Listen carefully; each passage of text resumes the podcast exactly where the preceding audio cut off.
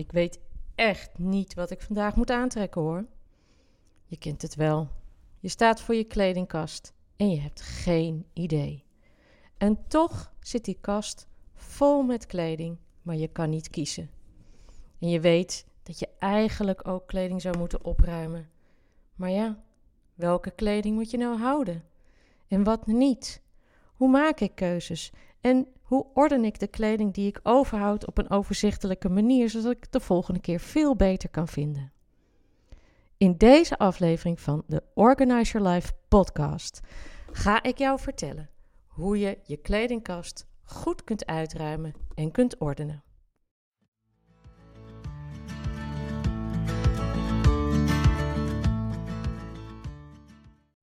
Ja, welkom bij de vierde aflevering van de Organize Your Life podcast.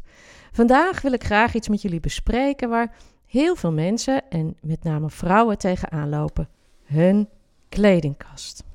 Het is een heel praktische aflevering geworden, waarin ik veel tips geef hoe je dit nu handig en overzichtelijk kunt aanpakken. Uh, tipje van de sluier: dat werkt voor iedereen anders. Ik bespreek verschillende methodes en kijk gewoon welke jou het meest aanspreekt en ga het eens proberen. En ik ben reuze benieuwd hoe het je vergaat. Onlangs heb ik iemand geholpen, een vrouw, eh, door middel van een telefonisch opruimconsult van één uur, om te komen tot duidelijke stappen in het maken van beslissingen voor hoe ze haar kledingkast ging uitruimen. Allereerst vertelde ze me dat ze het in zijn algemeenheid moeilijk vond om een reeks taken helemaal tot het einde te volbrengen. Bijvoorbeeld als ze de was had gedaan, eh, dan hing ze het wel op een rek of deed het in een droger om te drogen. En als het dan droog was, dan vouwde ze het op en maakte ze er stapeltjes van. Maar het belandde dan, die stapeltjes belanden dan niet in haar kledingkast. Die laatste stap, die maakte ze niet. En daardoor had zij ook een beetje een soort idee van, ja, weet je, ik maak eigenlijk nooit iets af, dus ja, het lukt toch niet. Daarna vertelde ze me dat ze het ontzettend leuk vindt om in kringloopwinkels bijzondere items ertussenuit te pikken en die dan voor, uh, voor een laag bedrag te kopen en mee naar huis te nemen. Niet dat ze er echt ruimte voor had, maar ze vond het gewoon leuk. Uh, alleen de kamer uh, waarin ze haar kleding bewaart, die ze overigens deelt met haar man en dochter, die begon behoorlijk uit te puilen. En af en toe haalde ze dan wel weer items uit die ze nooit of nauwelijks gedragen had en die dan nu al weg konden. Maar in plaats van ze echt weg te doen, gaf ze veel dingen vaak aan anderen, aan collega's, aan vriendinnen met dochters. En als ze dan na een tijdje anderen in die kledingstukken zag lopen, dan vond ze dat toch best wel moeilijk. En dan dacht ze: Jeetje, dat was toch wel een hartstikke leuk ding. En zo knap dat ik dat gevonden had. En dat soort gedachten gingen dan door haar heen. Of de items die ze weg wilde doen, die kwamen in een grote bak terecht, die dan uiteindelijk beneden in het huis ging staan. En alles daarvan zetten ze dan op Vinted voor een paar euro per stuk. En daar verkocht ze dan af en toe items uit. Met als gevolg dat haar man zich steeds meer begon te ergeren aan de bak die steeds maar beneden stond. Ze nog steeds niet van die items afkwam. En als het dan te lang duurde om het te verkopen, ging ze het dan toch weer aan anderen geven of belanden het in bakken boven op de kledingkasten, want ja, de kasten zelf, die waren vol. Of, dat was nog een laatste optie, het eindigde in een bak uh, voor, ja, misschien kwam het dan nog wel van pas met carnaval. Ze woonde uh, namelijk in het zuiden van het land. Kortom, het resultaat, er kwam meer kleding het huis in dan dat eruit ging en ze begon zich steeds meer te ergeren hieraan en ze wist niet meer hoe ze dit nu aan moest pakken. En dat wilde ze wel heel graag. Toen ze me vertelde dat ze heus wel in staat was om uit al die kleding die weg kon, uh, uh, te kiezen wat er dan weg kon, maar dat ze dus niet overging tot die laatste stap. Toen kon ik dat koppelen aan wat ze me in het begin verteld had, namelijk over hoe ze altijd moeite heeft om die laatste stap te zetten, om die taak af te maken. En in haar geval kwam dat omdat ze ja, niet zo goed wist hoe ze haar gedachten over dat kledingstuk kon loskoppen van de volgende actie. Ik vertelde haar hoe Marie Kondo met haar KonMarie-methode dat aanpakt. Um, Marie Kondo die geeft als advies bij kledingitems waarbij je een gevoel hebt van ja, maar in de winkel stond het zo leuk. En, of bij deze mevrouw, ik ben er zo trots op dat ik dit gevonden heb. Om dan tegen jezelf te zeggen, het heeft zijn functie gehad. En in het geval van de mevrouw die ik sprak, was die functie: het gaf je een goed gevoel toen je het kocht. En je was er trots op. En het is ook prima dat dat ook de enige functie was. Want zo koppel je die aankoop los van wat je er toen mee deed en de emoties en gedachten die je toen had, van het moment waarop je er nu mee geconfronteerd wordt en je er dus mee vastloopt. En ik vertelde dit aan mijn klant uh, en ik zei tegen haar: Ik denk dat dat misschien wel iets is wat jou kan helpen om die laatste stap te zetten. En ik hoorde echt aan de andere kant van de telefoon het kwartje letterlijk in haar hoofd vallen. En ze zei: Ja, dit is precies wat ik nodig had. Zo kan ik dus mijn gedachteproces en die emoties stoppen en kan ik me concentreren op het afronden van die taak.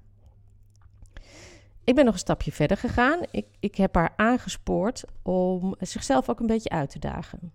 Uh, want ik zei tegen haar dat het haar waarschijnlijk veel meer voldoening en rust zou opleveren om die items niet stuk voor stuk te verkopen op Vinted of uit te delen aan vriendinnen of collega's, maar om het gewoon in een zak te doen en in de textielbak te doen. En ik zei tegen haar: Weet je, al doe je maar één zak, gewoon om het te proberen, gewoon om te kijken wat voor gevoel het je geeft als het weg is. Nou, ze zei tegen me, ik denk dat, dat ik dat wel met meer zakken ga doen. Ik zeg, dat mag, dat is natuurlijk echt helemaal prima, maar ja, hè, daag jezelf uit, maak het jezelf ook weer niet te moeilijk. En, en doe dat gewoon en kijk even, even wat er gebeurt. En probeer ook even te registreren bij jezelf wat er dan ook echt gebeurt van binnen. Ik ga meteen aan de slag, zei ze. En later die dag stuurde ze me een foto toe van vier, vijf zakken met kleding die ze weg ging doen. En zei ze erbij, ze voelde zich helemaal bevrijd. En daarna, de volgende dag, kreeg ik nog een bericht dat ze ook aan haar zolder was begonnen. Dus dat ene uurtje praten met haar over hoe ze het moeilijk vond om die laatste stap te zetten. En wat tips en adviezen van mijn kant die ik haar heb gegeven om net dat setje te geven en, en, een, en een tool te geven waarmee ze dan ook echt die beslissing kon maken had een enorm vergaand effect. Nou, ik wilde dit graag vertellen als voorbeeld en ik bespreek ook nog graag een paar methodes en tips met je. Ik zei het net al, eh, ik gaf haar een tip uit de uh, methode van Marie Kondo. Officieel heet dat de Con-Marie-methode. Als je dat uh, zou willen, dan raadt Marie Kondo het volgende aan om te doen. Je verzamelt van overal in je huis, echt Overal, van achter de schotten, uit dozen, de kapstok, je kledingkast. Overal, alle kleding die je hebt. Alles. Daar maak je een grote stapel van op je bed of in een kamer die je misschien nu even uh, niet per se gebruikt als slaapkamer. En dan ga je één voor één kledingstukken in je handen pakken en je stelt jezelf de vraag: word ik hier blij van? Het handigste is om te beginnen bij bovenkleding, tops en truien. Want daar heb je vaak een heel duidelijk gevoel bij. En zij zegt ook dat komt omdat dat zijn de items die je dichtst bij je hart draagt.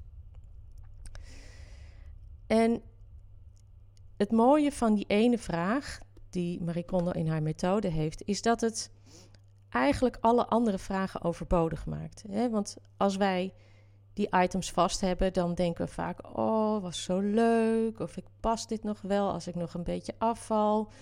Of ik bewaar het voor later. Of ik weet niet, misschien ben ik over een paar jaar weer wat zwaarder. Dan kan ik dit weer aan.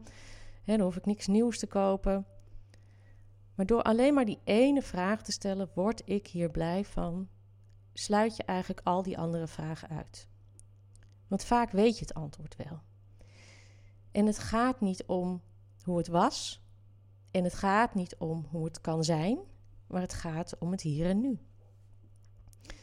En dan maak je een stapel met ja, hier word ik blij van. En nee, hier word ik niet blij van. En je gaat ook tegen items aanlopen waar je het niet van weet.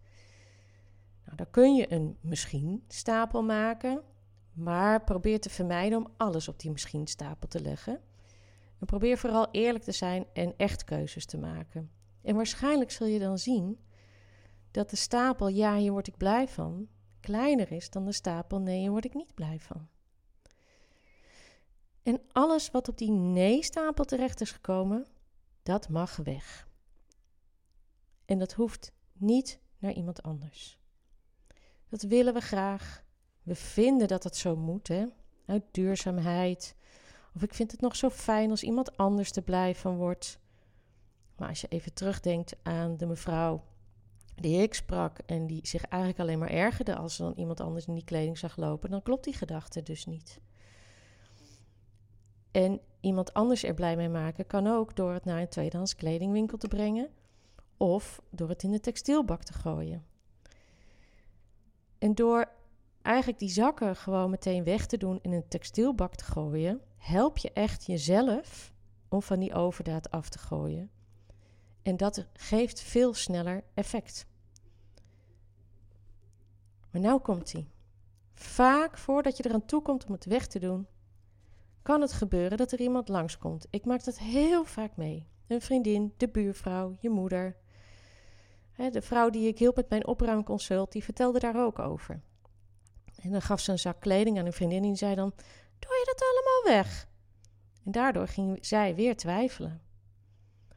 Ik heb het bij mijn eerste proefklant heb ik het ook meegemaakt.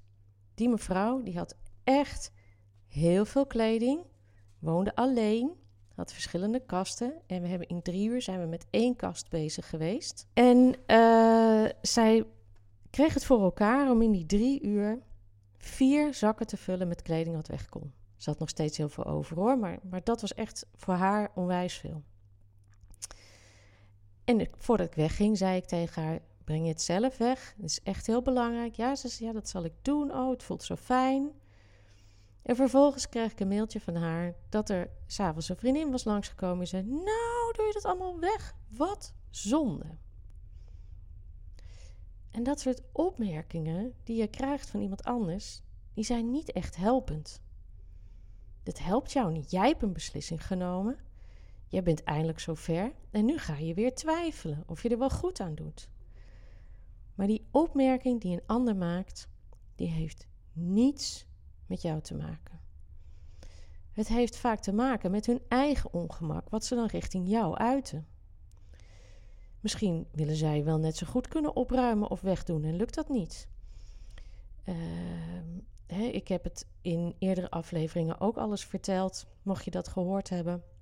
Vaak, uh, heel veel beslissingen die wij maken in het leven worden gevoed door een gevoel van schaarste. Oh jee, het heeft heel veel geld gekost. Ik kan het misschien nog gebruiken. Laat ik het maar bewaren. Heel veel mensen hebben dat. Angst om los te laten. En met zo'n opmerking projecteren zij die angst op jou. Probeer op dat moment sterk te zijn en probeer te blijven voelen hoe fijn het voelt dat je nu eindelijk al die beslissingen hebt genomen. En daarom is het ook zo belangrijk om die zakken zo snel mogelijk weg te doen. Des te eerder heb je effect, letterlijk zichtbaar in je kast, maar ook voelbaar in je lichaam, wat je allemaal hebt weggedaan. En weet je, dan vraag je je misschien af: krijg ik dan spijt van het wegdoen van dingen? Misschien. Misschien ook niet. Misschien heeft het je uiteindelijk uit die impasse gehaald, waar je al die tijd in zat. En slingert dat in jou, net als bij de klanten met wie ik een opruimconsult had, een, een bepaalde energie aan, waardoor je nog heel veel meer gaat opruimen. En ja, misschien krijg je spijt. Heb ik ook wel eens. Ik heb ook wel eens iets weggedaan waar ik spijt van heb. Maar ja, gedane zaken nemen geen keer. En weet je, wat geweest is, is geweest. Je leeft nu, niet toen en niet in de toekomst. Dan heb je alles weggedaan. Wat doe je dan met de misschien-stapel? Daar ga je nog een keer doorheen. Vaak weet je het nu wel heel goed en kies je nog een keer voor ja en nee.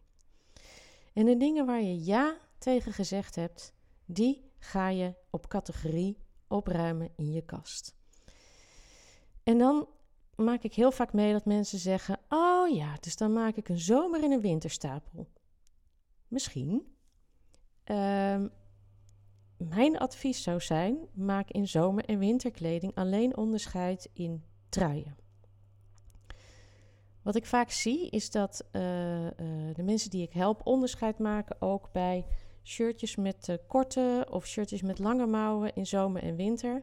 Maar dan compleet het overzicht kwijtraken over hoeveel ondershirtjes ze hebben. Maak gewoon van de categorie shirtjes met korte mouwen, hemdjes, lange mouwen, gewoon één categorie. Niet op seizoen, gewoon één categorie van maken. En dan zie je hoeveel je hebt. En dan kun je het veel beter opruimen. En ook kiezen wat je wil houden en wat weg kan. Want een bepaald shirtje met korte mouwen, wat je draagt in de zomer, dat kan ook ergens onder in de winter.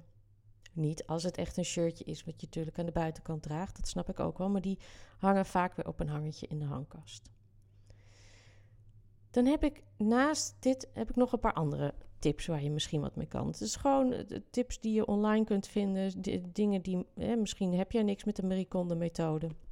Dan kun je het misschien op deze manier proberen. Bijvoorbeeld in je hangkast. Wat je kunt doen is alle hangertjes omdraaien met de opening naar je toe. We hangen de kleding vaak weg met de opening van het haakje naar achter. Draai alle hangertjes om. En elke keer dat je een kledingstuk aan hebt gehad en je hangt het terug nadat je het hebt gedragen of hebt gewassen, dan hang je het op de normale manier terug met de opening van het haakje naar achteren. En zo zie je na een paar maanden wat je het meest draagt en wat je eigenlijk nooit pakt. En ook daar is natuurlijk een verschil in zomer- en winterkleding. Maar je, weet zelf, je snapt zelf wel hoe je dat moet aanpakken.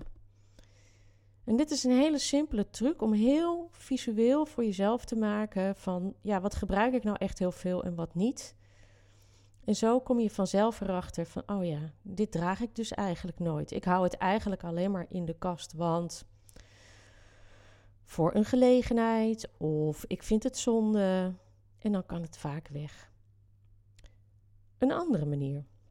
Je kunt alles eruit halen. Je kunt het sorteren op kleur of categorie. Uh, nou ja, wat ik eerder zei, bijvoorbeeld alle shirtjes met korte mouwen bij elkaar leggen. En dan gaan kiezen. En het belangrijkste is dat je eerlijk bent naar jezelf. De klant uh, die ik aan de telefoon had voor het opruimconsult, die vertelde mij bijvoorbeeld dat ze vier witte blouses of overhemden had, maar dat ze eigenlijk nooit droeg. Ze kocht ze alleen omdat ze zag dat anderen erin liepen. Um, en ze had ze gekocht omdat elk shirtje had alweer iets, had een detail wat bijzonder was. Maar ze droeg ze niet.